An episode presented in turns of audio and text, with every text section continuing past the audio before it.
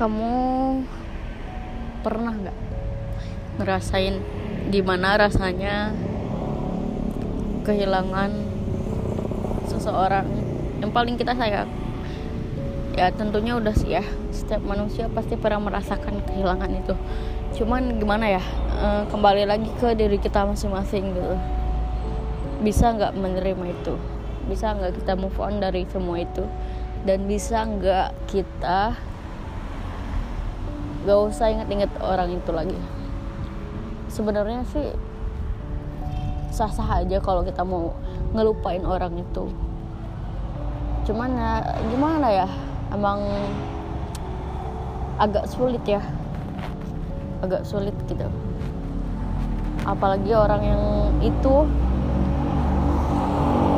masih tetap ngehubungin kita. Masih tetap ngerespon apa yang kita tulis di status atau apa yang kita upload di media sosial gitu kan. Cuman untuk ngebahas yang udah-udah. Terus buat apa dia nyakitin kita berulang-ulang? Kalau akhirnya dia bakalan pergi dan kembali dan cuman ngebahas yang udah-udah gitu. Rasanya tuh pengen gue timpuk tuh nggak? Tapi mau gimana ya? Memang udah jalannya dia kayak gitu kali tipikal orang yang apa ya yang menggampangkan sesuatu dengan mempermainkan perasaan. Dengan seenak jidat dia kayak gitu. Dan seolah-olah dia yang apa ya yang paling tersakiti yang paling ngena banget gitu. Padahal kan nothing nggak kayak gitu tidak tidak kayak gitu. Nih dan ini tuh susah ngerubah orang yang kayak gini.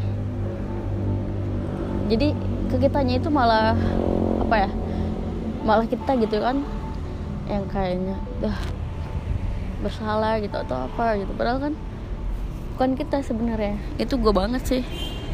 Dan gue masih ngerasain sampai detik ini. Gitu. Loh dia pergi dia ngilang terus dia kembali dan dia pergi lagi.